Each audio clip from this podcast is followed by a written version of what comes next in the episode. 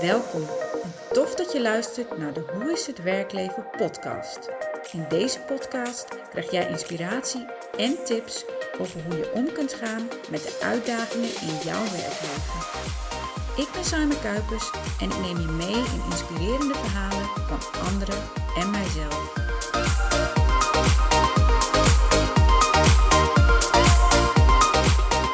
Dit is de eerste aflevering van Hoe is het werkleven podcast. In deze aflevering stel ik mezelf voor en vertel ik een gedeelte van mijn eigen verhaal. In de volgende podcastaflevering zal ik het tweede gedeelte van mijn verhaal vertellen. Nou, ik ben Simon Kuipers en ik woon in het mooie Meppel met mijn gezin. Ik ben geboeid door alles wat te maken heeft met carrière, organisaties en bedrijven. Maar ook over hoe mensen samenwerken, over hoe mensen wel of niet gelukkig zijn in hun werk en hoe belangrijk leiderschap is. Zowel persoonlijk leiderschap als leiderschap in een bedrijf of organisatie. Ik zeg wel eens dat ik het leven bestudeer, want ik vind het enorm boeiend wat bepaalde gebeurtenissen met mensen doen en ook wat bepaalde gebeurtenissen met mijzelf doen. Vandaar ook de combinatie tussen werk en leven. En dan de twee woorden aan elkaar geplakt, want het een heeft echt effect op het ander en andersom. Nou, ik deel nu graag mijn verhaal met jou omdat het een beeld geeft over hoe een carrière kan veranderen en over hoe ambities kunnen veranderen.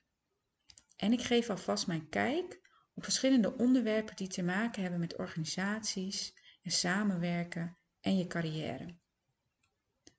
Nou, ik begin even bij het begin. Want ik ben opgegroeid in best wel een bijzondere situatie. Ik groeide op in een gezin met weinig financiële middelen. En ook was er nog wel eens wat stress. Het hebben van weinig geld doet echt ongelooflijk veel met de mens. Je kunt wel zeggen dat je eigenlijk in je eigen bubbel komt. Dus je gaat vooral op korte termijn denken. Want je focus ligt namelijk vooral op overleven en niet zozeer op echt leven. Nou, als kind kreeg ik dit enorm goed mee. En het zorgde ervoor dat ik juist dingen die ik moest opnemen qua informatie op school, dat ik dat niet deed. Dus ik had echt het gevoel dat ik informatie miste. op de een of andere manier kwam het gewoon niet binnen bij mij. Ergens zat er een enorme blokkade. Het was wel altijd korte termijn, dus voor een bepaalde toets kon ik nog wel voldoende oprakelen, dus daar kon ik nog wel voldoende voor halen. Maar al snel daarna raakte ik het kwijt. Nou, je kunt je misschien wel voorstellen wat dit doet met de start van een studie en loopbaan. Ik zeg wel eens dat ik mijn studie eigenlijk met 3-0 achter begon, want ik had veel informatie niet opgeslagen. En ik moest eigenlijk ook helemaal opnieuw ontdekken wie ik was. Want ik had geen idee. Ik had ook geen idee waar ik goed in was. Ik had geen idee wat ik wilde met mijn leven. Ik had er wel een studie gekozen, maar ja, ik had het ook maar een soort van, ja, ergens uh, mijn vinger opgelegd en dit ga ik doen. Dus ik had ook geen doelen en geen grote dromen, want ik was voornamelijk bezig geweest in mijn eigen bubbel. Nou, ik had een sociale opleiding gekozen. En ik denk dat dit mij heeft geholpen om mijn achterstand voor een groot gedeelte in te halen. Want wat veel studies niet hebben of minder hebben, is dat ze de nadruk leggen op het echt leren begrijpen van jezelf. En jezelf helemaal onderzoeken, reflecteren, feedback vragen en echt die self-search doen. Nou, mijn opleiding had dit wel. Want je bent je eigen instrument, werd vaak gezegd. En dat kun je voor een deel ook bij een sociale opleiding, waarbij je hulpverlener wordt, ook nog wel begrijpen. Hè? Je moet jezelf helemaal leren kennen, want dan pas kun je een ander ook helpen. Dus help eerst jezelf, help dan de ander. Heel logisch, hè? we zien dat, over, dat het overal gezegd wordt. Maar eigenlijk geldt dat voor alle branches of voor elke opleiding of voor elke baan die je gaat doen.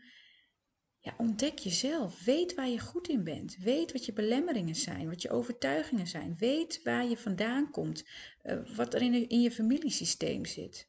Echt, ik vind echt dat daar te weinig aandacht aan wordt besteed bij heel veel opleidingen. En dat daar juist problemen later in het werkleven ontstaan, omdat mensen zichzelf eigenlijk niet goed genoeg kennen. En dat ze niet genoeg onderzoek hebben gedaan naar hun eigen belemmeringen. En dat vind ik echt een gemiste kans. En ik hoop dat steeds meer opleidingen dat zullen doen. Want het heeft uiteindelijk echt invloed op je werk en op je leven. Nou, als kind was ik echt een verlegen meisje. Ja, ik, ik vond het lastig om echt nou, initiatief te nemen en wat meer contacten aan te gaan. Ik was altijd wel vrij sociaal, dus ik ja, werd wel gezien als iemand die wel kon verbinden. En als er dan iemand gepest werd, was ik altijd degene die ingezet werd om nou ja, iemand een goede plek in de groep te geven. Op een of andere manier had ik dat als kind al. Maar echt op de voorgrond staan vond ik lastiger. Ik weet nog wel dat ik een keer mijn vinger opstak, dat we mee gingen doen aan een, een, een musical met kerst. En dat ik voor de hoofdrol mijn vinger opstak. En dat was eigenlijk al heel gedurfd voor mij, want ik, ik vond het wel heel bijzonder om misschien toch nog iets te doen met toneel of zo. Maar ja, uh, ik was ook wel dat verlegen meisje. Nou, en wat bleek, ik kreeg de hoofdrol. Was eigenlijk wel heel erg tof dat ik die kreeg. Maar de hoofdrol was zonder praten. Dus ik hoefde eigenlijk alleen maar gebaren te maken. Dat was eigenlijk best wel binnen mijn comfortzone. Nou, een van de redenen waarom ik dit vertel, is ook omdat ik uiteindelijk echt gegroeid ben en niet meer dat verlegen meisje ben, maar echt ontdekt heb wat mijn kwaliteiten zijn en, wat, en dat ik daar zelfvertrouwen van kreeg. Een van de redenen uh, dat ik hier de nadruk op leg, is ook dat ik hier mijn kinderen ook echt in meeneem. Dus dat het belangrijk is om zelfonderzoek te doen. Nou, ik weet nog dat ik tijdens mijn opleiding stage liep bij een welzijnsorganisatie. En dat ik na zes weken al zei dat ik nog nooit zoveel initiatief had genomen. En ik leerde echt een andere kant van mezelf kennen. En als het gaat over kwaliteiten, zie ik dat veel mensen niet bewust zijn van waar ze goed in zijn. Dus heel vaak zie je dat mensen een aantal dingen kunnen opnoemen waar ze goed in zijn, maar dat ook een heel groot gedeelte verborgen is en blijft, omdat ze er niet bewust van zijn. En als het dan toch tot uiting komt, ja, dan herkennen we het niet. En dit is voor mij een belangrijke reden om mensen altijd te wijzen op het belang van het bewust worden van eigen kwaliteiten en talent. Want als je dat kent, als je je eigen kwaliteiten en je talent kent, dan heb je al een groot deel in handen om te komen bij dat waar jij helemaal kunt floreren en van waarde kunt zijn. Ja, en dat draagt natuurlijk weer bij aan je werkgeluk. Als jij iets doet waar je heel erg ja, blij van wordt, maar ook wat je goed kunt en waar je ja, echt gelukkig van wordt, ja, dan, dan, dan zul je floreren en groeien, maar dan kun je ook echt van waarde zijn. Nou, ik denk dat het pas vanaf mijn stage was dat ik echt in de gaten had dat ik zelf van invloed ben op mijn leven en op mijn carrière. Dat ik zelf kan bepalen hoe ik groei en of ik groei. En dat hier verschillende elementen van belang zijn. Dus aan de ene kant is het hebben van zelfkennis, dus jezelf goed kennen, het kennen van je kwaliteiten, het kennen van je belemmeringen, heel belangrijk. En aan de andere kant focus op je doel. Het hebben ook van een goede mindset om te zorgen dat je belemmeringen kunt, ja, hè, daar overheen kunt stappen en dat je echt tot actie kunt overgaan. Nou, tijdens het laatste jaar van mijn studie was ik echt een heel ander persoon. Ja, of beter gezegd, ja, ik was eigenlijk, eigenlijk mezelf. Ik leefde, zo voelt het ook echt. Ik geloofde in mezelf en ik had een missie, want ik wilde echt iets betekenen voor anderen. Maar ik had ook een duidelijke blik op wat ik wilde. Want zo wist ik precies wat ik wel en niet wilde in een baan. Nou, ik studeerde af in de vorige crisis. Nou, je zou kunnen zeggen, lekker dan. Dan heb je eindelijk zoveel obstakels overwonnen en is een kans op, de op een baan heel klein. Zeker in de sociale sector, want dat was toen echt een uitdaging. Ik heb heel veel oud-klasgenoten gezien die uh, hebben moeten blijven hangen bij een bijbaan. Maar toch geloofde ik dat het ging lukken. En ik woonde op dat moment al samen. En ik weet nog dat ik tot augustus had om iets te vinden. Want ik had nog net studiefinanciering en nog wat inkomsten van, vanuit mijn bijbaan. Maar ja, na augustus zou ik niks hebben. En we hadden wel een huis en we moesten wel rekeningen betalen. Dus ja, ik moest iets hebben. En ik vond het best wel spannend. Maar ik heb dat nog nooit zo, ik heb dat op dat moment niet zo gevoeld. Ik heb me nooit verloren gevoeld. Nou, ik had meerdere sollicitaties de deur uit gedaan en meerdere gesprekken gevoerd. En ik weet nog dat ik bij een autowasstraat stond. Ik stond zelf mijn auto te wassen. En toen ging mijn telefoon. En het was eigenlijk een prachtige dag. Het was ergens midden in de zomer, het was lekker warm. Ik stond daar met mijn t-shirtje. Het was hartstikke druk bij die, uh, bij die wasstraat. Ja, en ik stond zelf die auto te wassen. Nee, en het was een onbekend nummer. Dus ik wist wel, oh, dit is het antwoord op een van mijn sollicitaties. En ik had eigenlijk maar één sollicitatie waarvan ik echt dacht, nou, dit gaat, hier heb ik een kans, maar dit vind ik ook leuk en is lekker dicht bij huis. Dus ik hoop dat dit het wordt. Nou, dus ik werd wel wat zenuwachtig natuurlijk. Dus ik nam op en ik kon eigenlijk gelijk aan de stem horen dat het goed nieuws was. En ik had dus de baan en ik was echt super blij, want het was eigenlijk helemaal niet per se een droombaan of zo, maar het was dichtbij, het waren genoeg uren en ik had ook nog de, de meeste uren gekregen, want het was een baan in de kinderopvang en op dat moment nou, werd aan alle kanten werd gesneden in de kinderopvang, maar ik had de baan gekregen met de meeste uren, dus ik was echt onwijs blij. En ik geloof dat ik daarna echt nog nooit meer zo blij ben geweest met een telefoontje dat ik een baan had gekregen. Dat is eigenlijk wel bijzonder om dat zo terug te, te vertellen en ook voor mezelf te realiseren dat, dat ik dus eigenlijk nog nooit zo blij ben geweest. Nou, ik begon die baan en eigenlijk wist ik al vrij snel, nou, hier ga ik niet lang werken. Nou, ik had het op zich wel naar mijn zin, maar ik wist ook wel dat het, nou, dat het een baan was die me ging helpen. Want ergens had het wel een beetje te maken met waarvoor ik gestudeerd had. Ehm, maar het was niet helemaal ja, wat ik het liefste zou doen. Maar ik had wel echt hoge ambities, weet ik nog. Ik heb zelfs gesolliciteerd voor een baan als locatiemanager. Ik was 22 jaar. En ik werd ook nog uitgenodigd. Ik weet zelf ook niet hoe dat goed kon. Ehm, maar mijn pijlen richtte ik uiteindelijk op een baan bij de welzijnsorganisatie waar ik stage had gelopen. En dit was ongeveer, nou, een klein jaartje nadat ik ehm, mijn eerste baan had gekregen, dat ik mijn pijlen daar echt heel serieus op richtte. En toen had ik echt het gevoel, oké, nou heb ik een jaar lang heb ik ergens gewerkt, heb ik mijn eerste ervaring opgedaan, um, maar nu is het wel echt tijd voor iets anders. Nou, een van mijn belangrijkste persoonlijke waarden is vrijheid. En ik ben afgestudeerd in een sector waar heel veel mensen binnen hulpverlening werken en nou, waar je vaste tijden hebt. En ik wist eigenlijk al vrij snel, nee, ik wil geen vaste tijden, geen vaste werktijden. Ik wil zelf mijn agenda bepalen. Dat vind ik fijn. Ik wil zelf daar invloed op hebben. Nou, en dat had ik natuurlijk in de kinderopvang niet. Ik heb er best wel eh, leuke dingen gedaan, maar het was niet echt passend bij de waarden die ik heb. Nou, vrijheid kun je natuurlijk op verschillende manieren interpreteren. Want voor jou kan het iets heel anders betekenen dan voor mij. En daarom is het denk ik altijd goed om duidelijk naar jezelf te zijn wat je bedoelt met bijvoorbeeld een persoonlijke waarde. Want ik adviseer mensen altijd om te kijken naar wat belangrijk is voor hun in het leven en waarop je ook keuzes kunt baseren. Dus ga gewoon eens na bij jezelf welke persoonlijke waarde jij hebt. Dus wat vind je echt belangrijk? Dus voor mij is dat bijvoorbeeld vrijheid, mijn gezondheid is daar ook eentje van. Ehm, maar ook het van waarde zijn voor anderen, van betekenis zijn. Nou, zo heb ik nog een heel mooi rijtje met verschillende waarden. En dat heeft me eigenlijk altijd geholpen om bewust, maar ook onbewust, keuzes te maken ja, op basis van die waarden. En dan wist ik ook dat het altijd ging passen. Nou, ik weet nog dat ik mijn eerste nee kreeg bij die welzijnsorganisatie. Ik had daar gesolliciteerd, ik had een gesprek gehad. En het ging tussen mij en nog een andere vrouw. En ze hadden dus voor haar gekozen. En ik vond het ontzettend balen. En wat ik je nu alvast als tip wil mee eh, geven, is zorg dat een nee jouw gevoel naar een ja gaat versterken.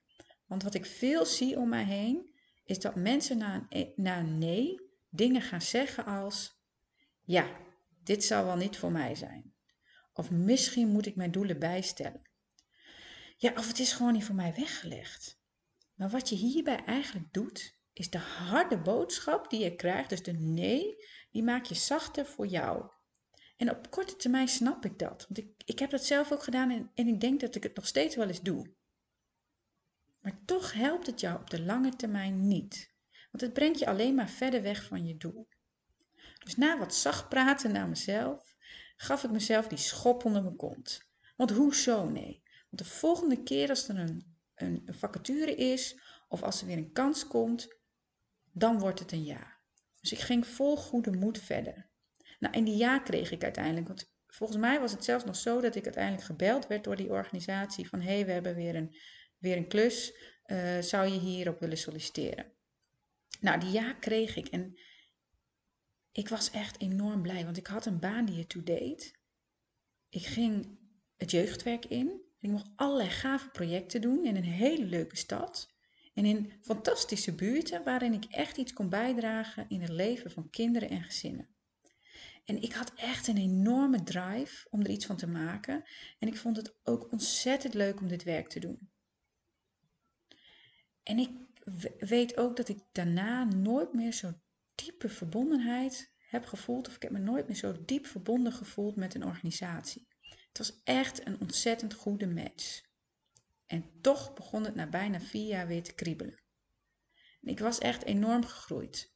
Ik had veel mooie projecten mogen doen en een bijdrage mogen leveren aan de organisatie. Maar ik wilde meer zien van de wereld. Ik wilde meer organisaties zien. En ik wilde ja, echt ontdekken ook. Ik, ik weet nog dat ik echt na een, na een tijd ook dacht, ja, ik zit hier een soort van vast. En er werkten ook best wel veel mensen al heel lang. En daar vind ik niet per se iets fout aan of zo. Maar ik zag mijzelf dat niet doen.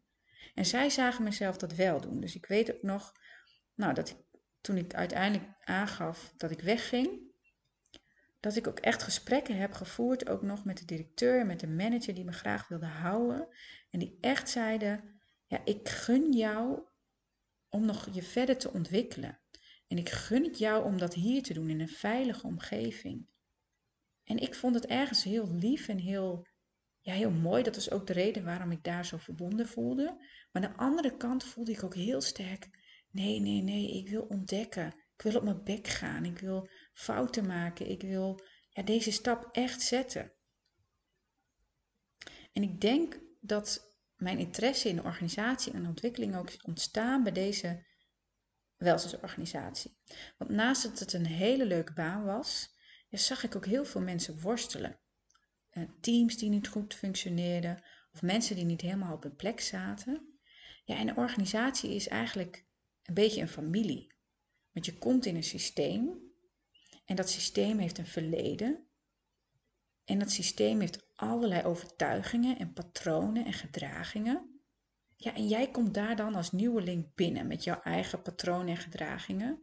en dat moet passen. En het verandert ook telkens. Maar jij als nieuweling hebt natuurlijk ook veel minder meegekregen van ja, organisaties en die veranderingen. En ja, hoe werkt dat nou binnen teams? Dus ik vond dat wel een uitdaging. En ik weet ook nog dat ik mijn hele ziel en zaligheid ook echt daar heb in die organisatie heb gelegd. Van ik wil dat dit team goed wordt en ik wil dat we onze doelen behalen. En ik wil echt gaan groeien als organisatie. En laten we ook de organisatie goed neerzetten.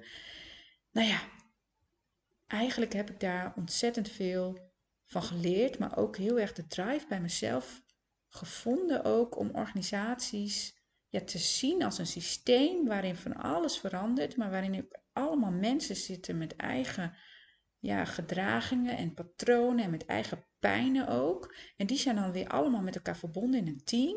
Ja, dat moet dan functioneren. En dat is best een uitdaging. En ik heb daar daarna best wel veel onderzoek naar gedaan. Want ik zal je zo vertellen waar ik daarna terecht ben gekomen. Maar ik heb daar best wel onderzoek naar gedaan van ja, hoe werkt dat nou? En hoe zorg je er nou voor dat je ja, als mens ook in zo'n organisatie goed kunt landen, dat je daar goed kunt staan? Nou, ik maakte een switch naar de overheid. En dat was eigenlijk een hele mooie kans voor mij. Want ik wilde namelijk meer overstijgend aan de slag. Nou, en dat was eigenlijk vanuit de sociale opleiding best lastig. Ik had een HBO-opleiding gedaan, uh, had wat werkervaring natuurlijk, want ik geloof dat ik bijna vier jaar bij de welzijnsorganisatie heb gewerkt. Maar ja, hoe kom je dan overstijgend bij de overheid? Het was nog steeds het staatje van de crisis. Uh, dus ik, gemeente, eh, het ging vooral over de gemeentelijke overheid. Die houden van mensen met heel veel ervaring. Het liefst tien jaar jong, tien jaar en, en soms zelfs twintig jaar. Ja, en dat had ik allemaal niet. Nou, uiteindelijk ben ik daar via een traineeship terechtgekomen. En echt uit deze ervaring met, van dat bedrijf en dat traineeship kan ik echt zeggen hoe blij ik ben en hoe blij andere mensen moeten zijn met dat er bedrijven bestaan die out of the box willen denken. En het zijn er echt niet zoveel, want ik heb veel organisaties en bedrijven gezien en ik praat ook veel met bedrijven en organisaties, maar er zijn echt nog te weinig bedrijven die dit doen. En ik had ergens ook de hoop dat nu ja, de arbeidsmarkt hè, wat krapper was, dus dat er wat minder mensen waren voor een functie, dat bedrijven en organisaties dat wat meer gingen doen. Dus echt out of the box denken. En echt kijken naar, hey, welke kwaliteiten hebben we nodig? Wat missen we in ons team? En wat voor type mensen hebben we nodig? Wat voor type kwaliteiten hebben we nodig? Ja, om, om dit team te laten groeien. Want ik zeg altijd, de inhoud kun je leren. Je kunt, als je wil, kun je expert worden op van allerlei gebieden. En dat betekent niet dat ik nu zomaar arts zou kunnen worden. Hè? Dus voor sommige beroepen moet je nou eenmaal groeien. Maar je kunt echt bepaalde inhoud aanleren. En ik was eigenlijk op papier helemaal geen geschikte kandidaat om bij de overheid aan de slag te gaan. Ik had dus die HBO-opleiding, maar ze vroegen een universitaire master. Ik had weliswaar werkervaring, maar ja, echt relevant was het niet. En toch zag dit toffe bedrijf iets in mij. Want zij hebben echt gekeken, en dat doen ze nog steeds, naar de personen die passen bij de bedrijfstoestellingen die zij hebben. En ik weet nog precies het moment dat ik met dit bedrijf in aanraking kwam. Het was ergens in het weekend en ik, ja, ik was echt wel vastgelopen ook bij de welzijnsorganisatie. Dus ik had echt soms wel hoofdpijn. Wat wil ik nou met mijn leven? Dus ik was wat aan het zoeken. Nou, ik had natuurlijk ook wel bepaalde persoonlijke waarden. En ik had een beetje een richting waar ik naartoe wilde. Die overheid. Want ik wist, daar kan ik iets betekenen. En alle bedrijven die ik tegenkwam, die hadden eigenlijk hele hoge eisen. En daar kon ik gewoon op dat moment niet aan voldoen. Maar ik wilde ook niet helemaal een opleiding starten. Want ik wist, met mijn kwaliteiten, met mijn mindset, kan ik gewoon een hele mooie bijdrage leveren. En daar geloofde ik echt in dat dat het verschil maakt. Nou, en toen vond ik dit bedrijf en dat stond ergens bovenaan ineens. En ik weet nog dat ik daarna nog gekeken heb van hoe kan dat nou? Hoe kan ik dit bedrijf nou gevonden hebben? Want deze zoekcriteria heb ik al vaker gebruikt en toen kwam het bedrijf helemaal niet naar voren. Maar ja, toeval of niet, hun bedrijf stond bovenaan, ik klikte erop en zij beschreven gewoon mij op hun website. Alles wat daar stond was raak. Ik wist, hier ga ik echt ja, een match mee zijn. Nou, mijn sollicitatiegesprek daar was ook eigenlijk top.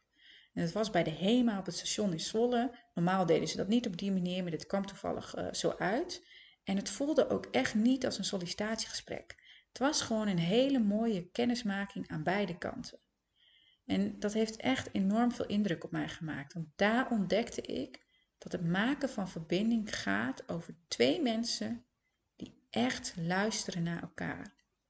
En die doorvragen tot ze begrijpen wat de ander bedoelt en samen ontdekken of ze iets voor elkaar kunnen betekenen. En daar zit ook voor mij altijd de kracht van goede communicatie. Dus communicatie gaat echt over het maken van verbinding met elkaar. En het zorgen dat je elkaar begrijpt en dat je elkaars taal leert spreken. Want iedereen ja, praat toch op een andere manier en heeft een andere taal. Dus de ene houdt veel meer van gestructureerde communicatie. Ja, de andere is wat zachter. Ja, en weer een ander geeft graag zijn mening en gaat een discussie aan. En je hebt mensen die veel meer houden van humor. En, en, en ze zijn wat meer de creatievelingen en die houden van toffe ideeën. En goede communicatie is ook vooral dat je leert hoe je op het niveau van de ander kunt afstemmen, zodat je elkaar leert begrijpen en echt die verbinding met elkaar kunt maken. Ja, en om uiteindelijk natuurlijk het doel te hebben dat je kunt kijken hoe je samen van waarde kunt zijn en van betekenis kunt zijn en kunt groeien. Nou, sinds dit gesprek geef ik of vraag ik sollicitanten altijd of ze ook willen nadenken of de functie waarvoor ze solliciteren bij hun past. Dus het moet een match zijn van beide kanten. Dus het is niet alleen maar een match aan één kant. Van hé, hey, bedrijf, kijk, pas jij bij mij? Ja, oké, ik wil je hebben. Nee, sorry, Doei. Het gaat ook om de klik aan de andere kant en dat wordt nog te weinig gedaan. De sollicitatiegesprekken worden ook nog te vaak gevoerd waarbij echt gekeken wordt van hé, hey, wat voor kwaliteiten heb je, uh, wat heb je allemaal gedaan, welke ervaring, oké, waar wil je over vijf jaar staan? Die vraag snap ik nog steeds niet overigens, maar goed, waar wil je over vijf jaar staan? Oké, nou past dit? Ja, nou, een beetje zwart-wit gezegd natuurlijk, hè, want er zit natuurlijk van alles tussenin.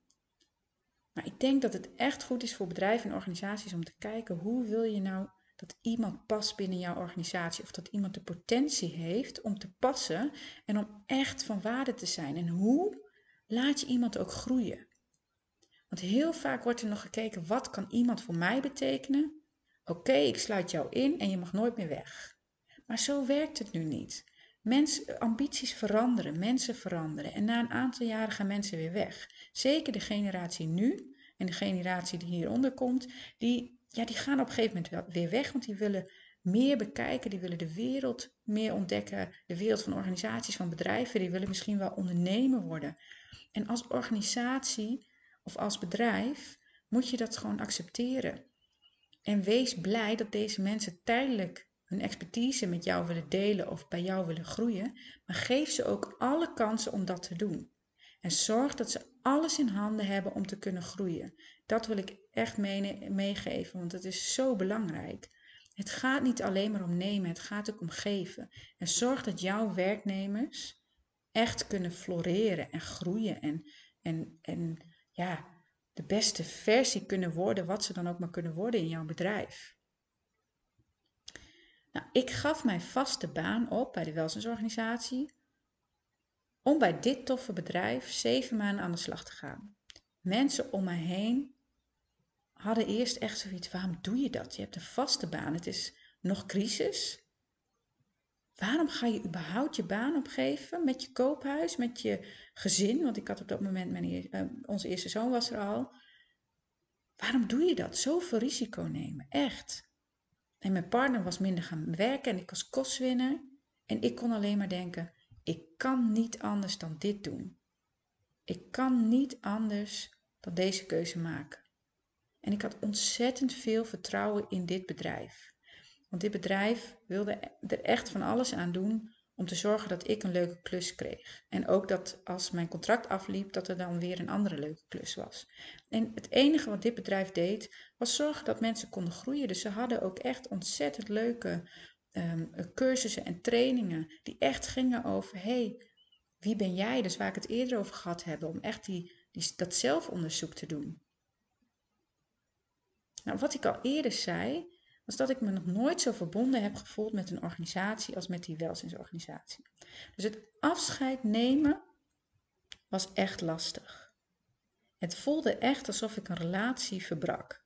Ik weet nog dat ik, dat ik daar zat en dat ik tegen die manager zei: ja, ja, ik ga weg. En dat ik moest huilen.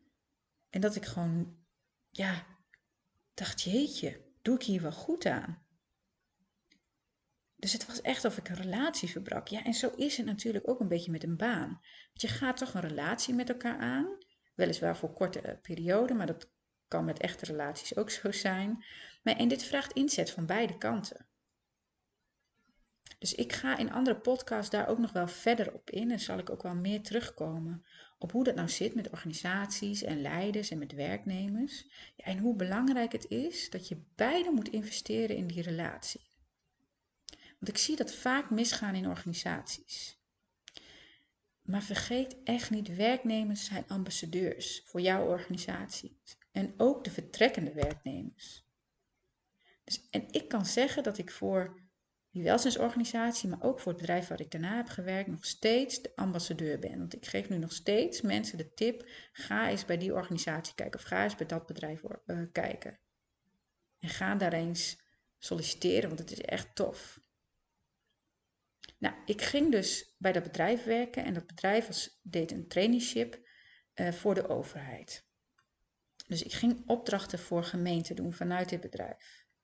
Nou, ik kan je nu alvast zeggen, dat was echt schokkend voor mij. Want ik had bij een welzijnsorganisatie gewerkt en die staan toch wel bekend als uh, ja, uh, veel contact met elkaar, lekker met elkaar een bijdrage leveren, vrijheid, blijheid, weinig vaste procedures, weinig echt strak in, in kaders. Nou, en dan kwam ik binnen in een gemeente waar enorm veel kaders waren. Dat was echt een heel andere energie. En ook schokkend voor mij, het was gewoon een heel andere cultuur. En ik heb ook daarna in verschillende gemeenten gewerkt. En dan heb ik ook echt gezien dat het per gemeente kan verschillen, maar dat het toch een soort overheidscultuur is. Ja, waarbij uh, er wat meer kaders zijn. En dat is natuurlijk ook zo ingericht. Want het is een politieke organisatie, dus dan heb je dat ook meer. Maar ik weet dat ik dat als jongeling echt wel nou, bijzonder vond. En dat ik dacht, oh, wat kunnen hier veel dingen niet? Maar ook wat voor potentie ligt hier en wat voor potentie ligt hier in deze werknemers. Want wat er vaak gezegd wordt, is dat externe, want ik was vaak externe als ik dan bij die gemeente kwam, externe kregen vaak dingen voor elkaar. Terwijl als interne medewerker je al heel veel jaren iets kon roepen en dat er dan een half jaar een externe kwam die precies hetzelfde zei en die kreeg het voor elkaar, maar jij en jouw collega's gaven het al jaren aan en er werd niks mee gedaan. Nou, dit, dit is natuurlijk ook een beeldvorming wat is ontstaan. Dus wat ja, medewerkers zelf ook tegen elkaar vertellen, maar wat ook naar extern toegebracht werd. Maar wat ik ook echt wel in de praktijk soms zag gebeuren. Dus het was best wel ja, schokkend ook. Dus ik noem het nogmaals schokkend, want het was echt zo. Maar het was ook een hele mooie ervaring. Dus, en ik, ik zal in de volgende aflevering echt nog verder ingaan op mijn ervaring met ja, de organisaties waar ik hierna heb gewerkt. Maar ik wil nog, toch nog even wat noemen over dat trainingbureau, of dat, over dat bedrijf waar ik mijn traineeship ging volgen. Want die had echt, wat ik eerder ook al zei, echt enorme goede cursussen en trainingen om jezelf te ontdekken. En wat ik daar ook merkte, was dat er, uh, nou, ik was een van de weinigen die een HBO-opleiding had en dan ook nog een sociale opleiding. En ik zag daar best wel veel mensen die dat niet hadden. En die dat waren wel hele betrokken mensen die graag een bijdrage wilden leveren aan de wereld. Dus die wilden graag ja, van waarde zijn. En daarom kozen ze ook voor een bedrijf wat zich vooral richtte op maatschappelijke organisaties. Maar die eigenlijk in een opleiding weinig hadden meegekregen van wie ben ik nou en hoe ben ik met mijn gedrag van invloed op anderen.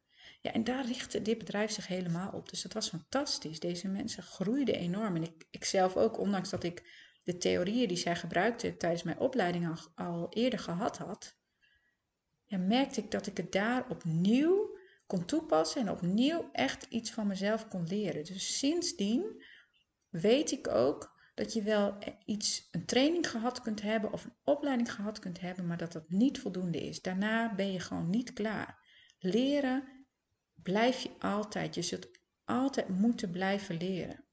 En het is echt belangrijk om altijd te kijken naar hoe wil ik groeien. En waar kan ik mezelf verbeteren? En als ik een doel heb, hoe kan ik er dan zo voor zorgen dat ik dat doel ga behalen? En dat vraagt echt iets van jezelf. Het vraagt zelfreflectie. En dat heb ik daar echt mogen ontdekken. Want ik dacht echt, nou, toen ik dat hoorde, dat programma, ik vond het fantastisch. Maar ik dacht ook van, hé, hey, maar dit ken ik toch al? En ik heb daar echt ontdekt, ja, ik ken misschien de principes. Maar ik ben wel gegroeid de afgelopen jaren. Dus ik kan nogmaals ontdekken, ja, wat zijn mijn kwaliteiten en welke kwaliteiten zijn tot uiting gekomen? En hoe kan ik dat inzetten in mijn communicatie naar anderen? En hoe kan ik dat inzetten om mijn carrière ook echt vorm te geven? En dat vond ik echt fantastisch om dat te ontdekken. En daar heb ik nu nog steeds heel veel aan. Dat je echt snapt dat je altijd moet blijven leren. En dat is, dat is echt iets ook wat ik nu wil meegeven. Van investeer daar ook in. Nou, wat ik net al zei in de volgende podcastaflevering, dan zal ik verder gaan met mijn verhaal, want ik heb nog veel meer daarover te vertellen. Ja, over wat ik ervaren heb in mijn werkleven, maar ook welke eh, strubbelingen ik daarin ben tegengekomen. En bijvoorbeeld ook in, in het werken in, team, in teams en wat daar dan, ja, wat ik daar heb ontdekt, ook over mezelf. En hoe belangrijk het is dat je elkaar kunt versterken. Dus ik zal daar meer over gaan vertellen. Dus ik wil je nu bedanken voor het luisteren en ik hoop echt dat je met veel plezier hebt geluisterd naar mijn podcast. En ik hoop echt dat je de volgende aflevering ook gaat luisteren. Nou, mocht je het nou leuk vinden om ook jouw verhaal te delen, dus ook om jouw verhaal te delen, jouw werkleven en wat voor invloed dat heeft gehad op, op, ja, op je leven, neem dan contact met me op, want ik ben vooral ook benieuwd naar verhalen van anderen. En dat zal ook in de komende afleveringen steeds meer naar boven komen. Dus ik ga een aantal mensen interviewen inspirerende mensen die bepaalde banenswitches hebben gehad, of die bijzondere ervaringen hebben meegemaakt in een team, of die echt gestruggeld hebben met hun carrière, dus die vast zijn gelopen en die ja, echt hebben moeten ontdekken van wat wil ik nou, of die misschien daar middenin zitten. Nou, ben je nou benieuwd naar de volgende afleveringen? Houd dan dit in de gaten. Connect met me op Instagram, maar zorg dat je dit kanaal in de gaten houdt. Nogmaals heel veel dank voor het luisteren en graag tot de volgende keer.